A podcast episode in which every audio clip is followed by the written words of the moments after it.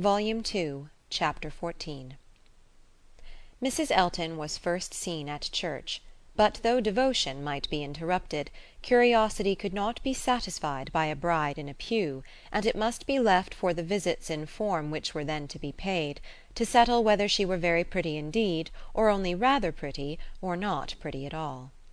Emma had feelings less of curiosity than of pride or propriety, to make her resolve on not being the last to pay her respects, and she made a point of Harriet's going with her, that the worst of the business might be gone through as soon as possible. She could not enter the house again, could not be in the same room to which she had with such vain artifice retreated three months ago, to lace up her boot, without recollecting. A thousand vexatious thoughts would recur compliments, charades, and horrible blunders, and it was not to be supposed that poor Harriet should not be recollecting too; but she behaved very well, and was only rather pale and silent. The visit was of course short; and there was so much embarrassment and occupation of mind to shorten it that Emma would not allow herself entirely to form an opinion of the lady, and on no account to give one, beyond the nothing meaning terms of being "elegantly dressed and very pleasing." She did not really like her. She would not be in a hurry to find fault, but she suspected that there was no elegance ease, but not elegance. She was almost sure that for a young woman, a stranger, a bride, there was too much ease. Her person was rather good, her face not unpretty, but neither feature nor air nor voice nor manner were elegant. Emma thought at least it would turn out so. As for Mr. Elton, his manners did not appear but no, she would not permit a hasty or a witty word from herself about his manners. It was an awkward ceremony at any time to be receiving wedding visits, and a man had need be all grace to acquit himself well through it. The woman was better off; she might have the assistance of fine clothes, and the privilege of bashfulness; but the man had only his own good sense to depend on and when she considered how peculiarly unlucky poor Mr. Elton was in being in the same room at once with the woman he had just married, the woman he had wanted to marry, and the woman whom he had been expected to marry, she must allow him to have the right to look as little wise and to be as much affectedly and as little really easy as could be. "Well, Miss Woodhouse," said Harriet when they had quitted the house, and after waiting in vain for her friend to begin, "well, Miss Woodhouse," with a gentle sigh. What do you think of her? Is not she very charming?" There was a little hesitation in Emma's answer. "Oh yes, very; a very pleasing young woman." "I think her beautiful, quite beautiful." "Very nicely dressed indeed; a remarkably elegant gown." "I am not at all surprised that he should have fallen in love."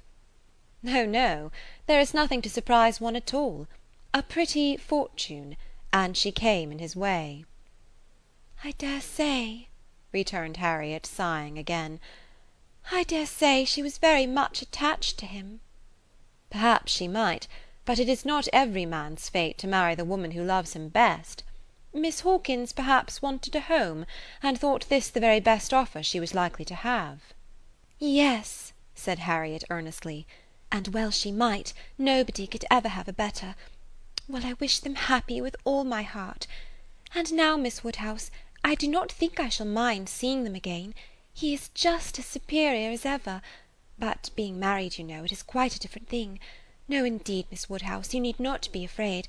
I can sit and admire him now without any great misery. To know that he has not thrown himself away is such a comfort. She does seem a charming young woman, just what he deserves. Happy creature! He called her Augusta. How delightful!" When the visit was returned Emma made up her mind. She could then see more and judge better.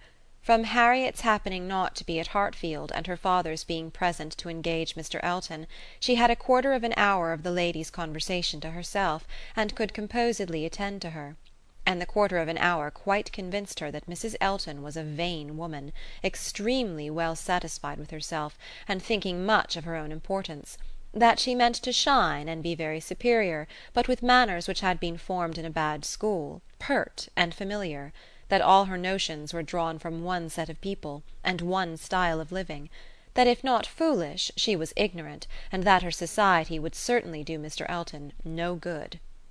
Harriet would have been a better match; if not wise or refined herself she would have connected him with those who were; but Miss Hawkins, it might be fairly supposed from her easy conceit, had been the best of her own set. The rich brother in law near Bristol was the pride of the alliance, and his place and his carriages were the pride of him. The very first subject after being seated was Maple Grove. "My brother Mr. Suckling's seat," a comparison of Hartfield to Maple Grove. The grounds of Hartfield were small, but neat and pretty, and the house was modern and well built. Mrs. Elton seemed most favourably impressed by the size of the room, the entrance, and all that she could see or imagine. "Very like Maple Grove indeed. She was quite struck by the likeness. That room was the very shape and size of the morning room at Maple Grove, her sister's favourite room." Mr. Elton was appealed to. "Was it not astonishingly like? She could really almost fancy herself at Maple Grove." "And the staircase! You know as I came in I observed how very like the staircase was, placed exactly in the same part of the house. I really could not help exclaiming. I assure you, Miss Woodhouse, it is very delightful to me to be reminded of a place I am so extremely partial to as Maple Grove. I have spent so many happy months there," with a little sigh of sentiment. A charming place, undoubtedly; everybody who sees it is struck by its beauty, but to me it has been quite a home. Whenever you are transplanted, like me, Miss Woodhouse, you will understand how very delightful it is to meet with anything at all like what one has left behind. I always say this is quite one of the evils of matrimony." Emma made as slight a reply as she could, but it was fully sufficient for Mrs. Elton, who only wanted to be talking herself. "So extremely like Maple Grove! and it is not merely the house; the grounds, I assure you, as far as I could observe, are strikingly like.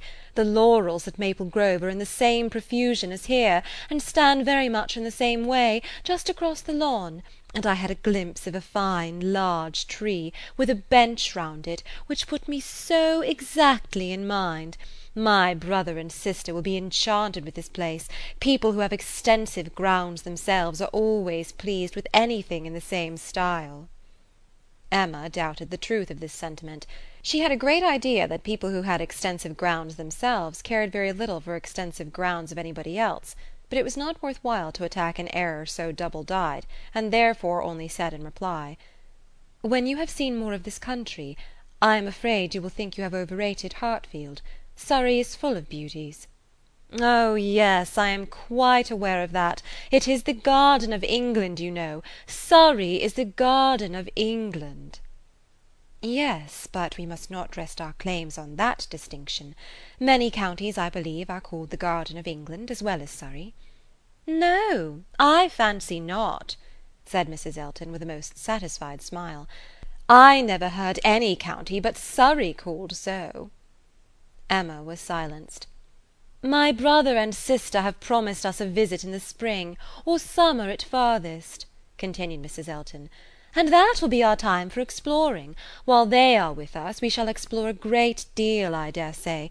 They will have their barouche landau, of course, which holds four perfectly, and therefore, without saying anything of our carriage, we should be able to explore the different beauties extremely well. They would hardly come in their chaises, I think, at that season of the year. Indeed, when the time draws on, I shall decidedly recommend their bringing the barouche landau; it will be so very much preferable. When people come into a beautiful country of this sort, you know, Miss Woodhouse, one naturally wishes them to see as much as possible, and Mr. Suckling is extremely fond of exploring. We explored to King's Weston twice last summer, in that way, most delightfully, just after their first having the barouche landau. You have many parties of that kind here, I suppose, Miss Woodhouse, every summer?" "No, not immediately here. We are rather out of distance of the very striking beauties which attract the sort of parties you speak of; and we are a very quiet set of people, I believe, more disposed to stay at home than engage in schemes of pleasure." "Ah, there is nothing like staying at home for real comfort. Nobody can be more devoted to home than I am. I was quite a proverb for it at Maple Grove. Many a time has Selina said, when she has been going to Bristol, 'I really cannot get this girl to move from the house. I absolutely must go in by myself, though I hate being stuck up in the barouche landau without a companion.' But Augusta, I believe, with her own good will, would never stir beyond the park paling. Many a time has she said so, and yet I am no advocate for entire seclusion. I think, on the contrary, when people shut themselves up entirely from society, it is a very bad thing; and that it is much more advisable to mix in the world in a proper degree, without living in it either too much or too little.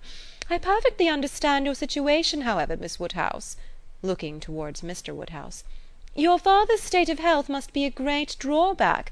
Why does not he try Bath? Indeed he should. Let me recommend Bath to you. I assure you I have no doubt of its doing Mr. Woodhouse good." "My father tried it more than once, formerly, but without receiving any benefit; and Mr. Perry, whose name I dare say is not unknown to you, does not conceive it would be at all more likely to be useful now." "Ah, that's a great pity; for I assure you, Miss Woodhouse, when the waters do agree, it is quite wonderful the relief they give. In my Bath life I have seen such instances of it; and it is so cheerful a place that it could not fail of being of use to Mr. Woodhouse's spirits, which I understand are sometimes much depressed. And as to its recommendations to you, I fancy I need not take much pains to dwell on them. The advantages of Bath to the young are pretty generally understood. It would be a charming introduction for you, who have lived so secluded a life and I could immediately secure you some of the best society in the place. A line from me would bring you a little host of acquaintance; and my particular friend, Mrs. Partridge, the lady I have always resided with when in Bath, would be most happy to show you any attentions, and would be the very person for you to go into public with." It was as much as Emma could bear without being impolite. The idea of her being indebted to Mrs. Elton for what was called an introduction! of her going into public under the auspices of a friend of Mrs. Elton's! probably some vulgar, dashing widow, who, with the help of a boarder, just made a shift to live. The dignity of Miss Woodhouse of Hartfield was sunk indeed. She restrained herself, however, from any of the reproof she could have given, and only thanked Mrs. Elton coolly but their going to Bath was quite out of the question, and she was not perfectly convinced that the place might suit her better than her father. And then, to prevent farther outrage and indignation, changed the subject directly.